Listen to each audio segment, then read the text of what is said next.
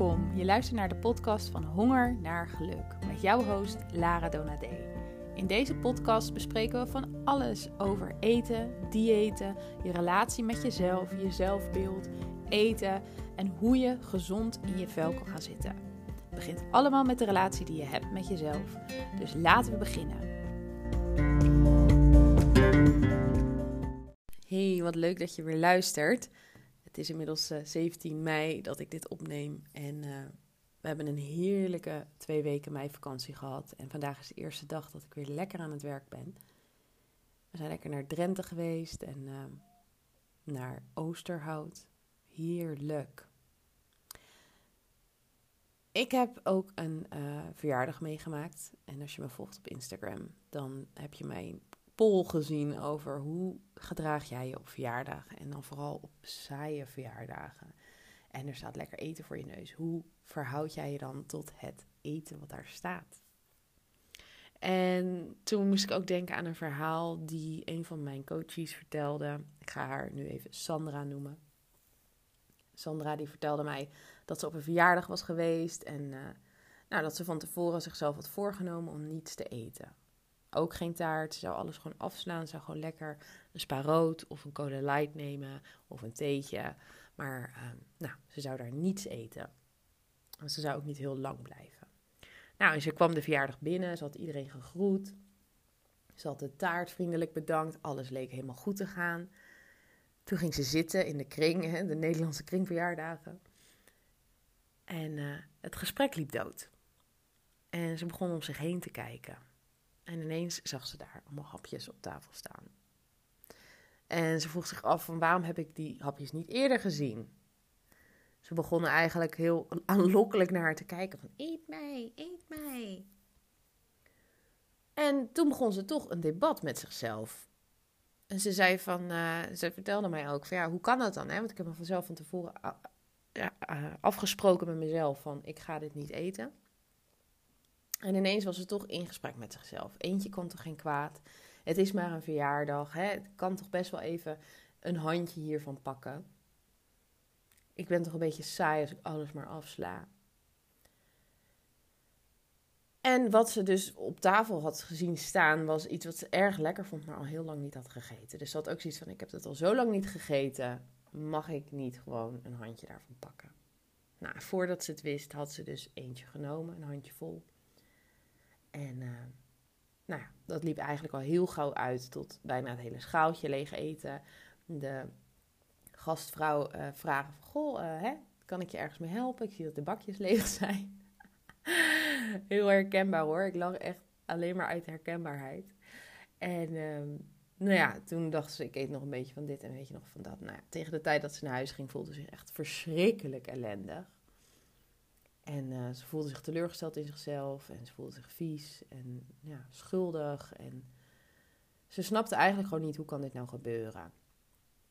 En uh, de, voor, de voornemens waren, volgende keer gaat het anders. Volgende keer zou ze zich wel gedragen en de volgende keer zou het echt lukken. Ik denk dat het heel belangrijk is als we deze situatie voor ons halen. En nou, grote kans dat jij je hier ook wel in herkent. Is vooral hoe we ons daarna voelen. Hè? Dus dat schuldig voelen, teleurgesteld, vol, misselijk. Um, en continu van, nou, volgende keer, volgende keer gaat het anders. Hè? Volgende keer ga ik dit niet meer doen.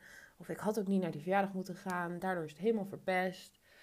En de grootste, welbedoelde leugen die wij onszelf als mens vertellen, is dat als we ons maar schuldig genoeg voelen of naar genoeg voelen, dat we dan het nooit meer zullen doen dat we dan ons gedrag gaan veranderen. Als we ons maar schuldig genoeg voelen, ons naar genoeg voelen, dat we het dan nooit meer zullen doen. Maar ja, uit onderzoek blijkt dat 95% van wat we doen onbewust is, op automatische piloot. En eigenlijk een gevolg is van patronen die we aan hebben gemaakt als kind tot onze zevende levensjaar. En of dat nou gaat over knipperen, hartslag, ademhaling of hoe we reageren op bepaalde situaties. Eén ding is gewoon duidelijk en ook wetenschappelijk onderzocht. We hebben ingesleten automatische patronen. En die zijn niet te doorbreken door schuldgevoel. Sterker nog, ook als je bijvoorbeeld zegt: Ik ga nu een 21 dagen challenge doen. Ik ga nu dit doen. Ik ga een, maand dit doen. Ik ga zes weken vasten. Of ik ga zes weken een sapvaste kuur doen. Daarna ben ik gereset en dan ga ik normaal eten. Dat het eigenlijk dus niet werkt. En waarom niet? Omdat het een ingegraveerd patroon is in ons zenuwstelsel. Een reactie in ons zenuwstelsel. En als je de aflevering, uh, een paar afleveringen terug hebt geluisterd, ging het ook heel erg over die A4. En de autoweg, de A4 pakken. Als jij altijd de A4 pakt naar waar je naartoe moet. En je gaat een keertje een andere route willen nemen. Dan moet je heel bewust, heel bewust kiezen om een andere route te nemen. Want anders schiet je zo die A4 op en ben je weer op je plaats van bestemming via de A4. Dat is gewoon een ingesleten patroon. Een automatisme. En teruggaan in oude patronen is niet, is niet eigenlijk niet teruggaan naar oude patronen. Het is gewoon je vaste patroon, alleen je probeert iets te doorbreken.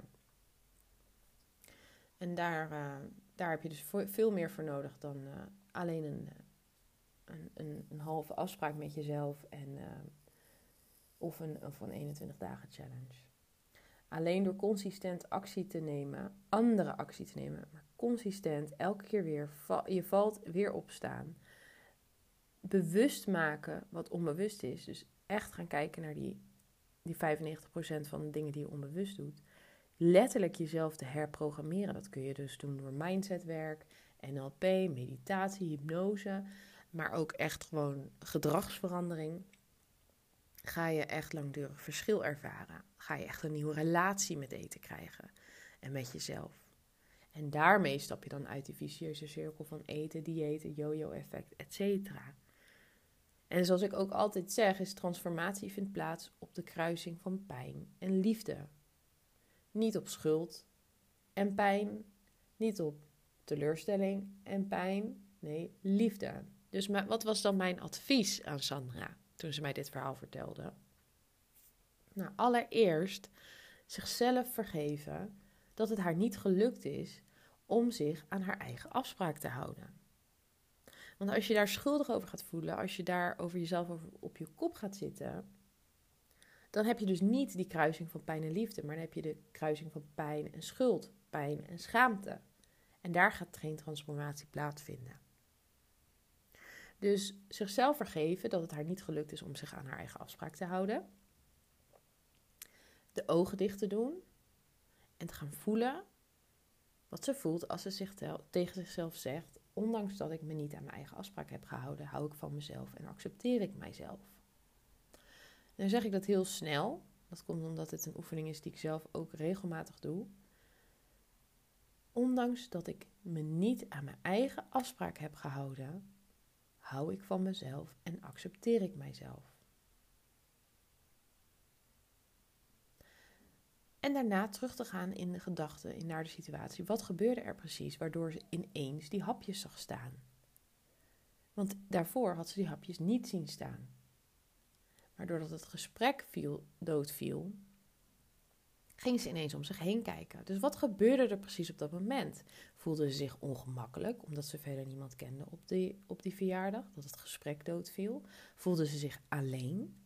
Welke gevoelens en gedachten had ze vlak voordat ze begon te zien dat er eten stond? Laat staan voordat ze ook daadwerkelijk begon te eten. Dus echt de ruimte, waar ik het ook in aflevering 2 over heb, de ruimte tussen een gedachte en het daadwerkelijke eten helemaal op te rekken en te gaan kijken wat is er precies gebeurd? Welke gedachten, welke ideeën had ik? Welke fantastische goede ideeën had ik dat het echt een goed idee was om dit te gaan eten? Maar daarvoor nog, welke gevoelens had ik?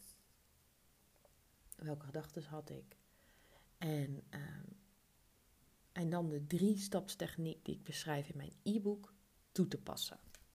Mocht je benieuwd zijn naar die drie stappen, dan zou ik je willen uitnodigen om naar hongernaargeluk.nl te gaan. Daarop vind je de downloadlink voor het boek Stop Emotie Eten. Drie bewezen stappen naar het stoppen met emotie eten. En ehm, als onderdeel van het coachingsprogramma waar Sandra dus ehm, ja, deel aan nam, zijn Sandra en ik aan de slag gegaan met een specifiek op haar afgestemd voedselplan. Want weet je, soms ga je uh, in een soort vlaag van, van ik wil het juiste doen en ik wil gezond eten, ga je zelf allerlei regels opleggen. Waarvan je eigenlijk, als het puntje bij paaltje komt, zoals Sandra, helemaal niet de tools hebt om daadwerkelijk aan die afspraken te houden. Dus de manier waarop ik werk met een voedselplan gaat dus veel verder dan alleen maar wat eet ik op welk moment. Het gaat heel erg over welke afspraken maak je met jezelf en waarom. Waarom is het zo belangrijk dat je die afspraak, ehm, dat je daar ook echt aan die afspraak houdt? En als je dus daar meer over wil weten, heb ik daar ook een podcastaflevering over gemaakt. Een dieet versus een voedselplan. Ehm, ja, daar ga ik uitgebreid op in. Nou, en ik heb haar geholpen met haar overtuigingen rondom verjaardagen en zich alleen voelen in een groep met mensen. En een gedeelte wat onbewust was, bewust gemaakt, zodat ze er op een bewust niveau wat mee kan. En op het onbewuste zijn we ook dingen gaan veranderen. Nou, en ik kan je vertellen dat ze sindsdien op een aantal feestjes is geweest en zich aan haar voedselplan heeft kunnen houden zonder die innerlijke strijd, zonder dat debat van zal ik wel, zal ik niet. En ze voelt zich heerlijk, ze voelt zich vrij en ze voelt zich lekker in de vel zitten. En weet je, dat gun ik jou ook. Hoe zou het voor jou zijn als je naar een verjaardag kan en dat je niet druk hoeft te maken over het eten wat er wel of niet geserveerd wordt, de taart die er wel of niet is, dat je soort van aan het lot overgelaten bent over of je wel of niet iets gaat eten, of dat je heel streng bent voor jezelf, maar ondertussen de hele tijd zit te kijken naar wat je wel of niet gaat eten. Of, wat ik ook wel eens hoor van mensen, is dat ze dan op een verjaardag zich heel netjes gedragen, maar een soort beest loskomt als ze dan thuiskomen. Weet je, ook dat is een relatie met eten en een situatie met eten. Hoe zou dat voor je zijn als dat anders is? Hoe zou het voor je zijn als je thuis komt en je gewoon lekker voelt, trots voelt op jezelf? Dat je gedaan hebt wat je zou gaan doen zonder die eeuwige discussie in je hoofd. Dat je gewoon echt aanwezig kan zijn op die verjaardag en ehm, ja, niet bezig bent met wel of niet eten en dat soort dingen. Want, lieve luisteraar, echte verandering begint bij zelfliefde en zelfacceptatie. En ik weet dat klinkt en dat voelt heel paradoxaal in het begin. Want waarom zou je jezelf lief hebben en accepteren terwijl je jezelf zo hebt teleurgesteld of terwijl je eigenlijk zo ontevreden bent over jezelf en hoe je eruit ziet? Nou, dat is heel simpel. Zoals ik al eerder zei, schuldgevoel gaat je niet helpen in het proces. Als dat zo was, dan had je nu waarschijnlijk geen problemen meer met eten. Dan was je wel tevreden geweest over jezelf. Dan zat je deze podcast niet te luisteren. Maar geloof me, ook al voelt het als een enorme berg of een soort ja, iets wat jou niet kan lukken, geloof me, ook jij kan dit doen. Ook jij kan dit doen. Alleen je hebt de juiste tools nodig en de juiste handvatten om jou te gaan helpen. Om eigenlijk, je moet het zien als een spier die je kunt trainen. En ehm, ja, met de juiste begeleiding en de juiste tools kun, kan jij ook die uh, spier trainen. Eén dag tegelijk. En je kan het. Ehm, als je benieuwd bent naar het coachingsprogramma Stop Emotie Eten, dan kun je ook op mijn website kijken. Dan staat daar meer informatie over. Maar in het kort is het een zesweeks coachingsprogramma. Dus het is geen online cursus, het is een coachingsprogramma die wel online plaatsvindt. Ehm, in groepsverband één keer per week. Het zijn zes modules. En individueel ook coaching erbij. Dus je krijgt een aantal één op één coaching sessies van mij, zodat ik jou specifiek kan gaan helpen met jouw ehm, specifieke situatie. En de rest zal in een groepsverband plaatsvinden. Daarnaast, als je me wat langer volgt, dan weet je dat een groot gedeelte van ehm, de oplossing van het stoppen met emotie eten ligt in het reguleren van jezelf. Daar heb ik heel veel oefeningen voor opgenomen in een online omgeving. En die kun je dus thuis ook luisteren en doen, oefeningen doen. die jou gaan helpen om jezelf weer te reguleren, zodat je weer lekker in je vel komt te zitten. Dus ook dat zit erbij. Nou, ehm, we gaan binnenkort weer beginnen met een nieuwe groep. Dus mocht je het interessant vinden, kijk even op de website. Ehm, het kan zijn dat er nu ook een early bird uh, korting bij zit. Dus schrijf je in. Als je denkt van ik ben er klaar voor, ik wil gewoon afvallen en op gewicht blijven en van die innerlijke strijd af, het gedoe rondom eten en uh, ik ben er klaar voor om dingen echt te veranderen, dan zou ik het heel erg leuk en bijzonder en fijn vinden als ik jou daarin mag begeleiden. En dan uh, zijn we weer het einde gekomen van deze podcast. Ik wens je nog een hele fijne middag, avond of ochtend, wanneer je dit ook luistert. En mocht je hier veel aan hebben gehad, deel het dan met een vriendin waarvan je denkt dat zij er ook wat aan heeft. En als je me nog niet volgt op Instagram, kun je me vinden op @hongernaargeluk en de website is www.hongernaargeluk.nl. Doeg!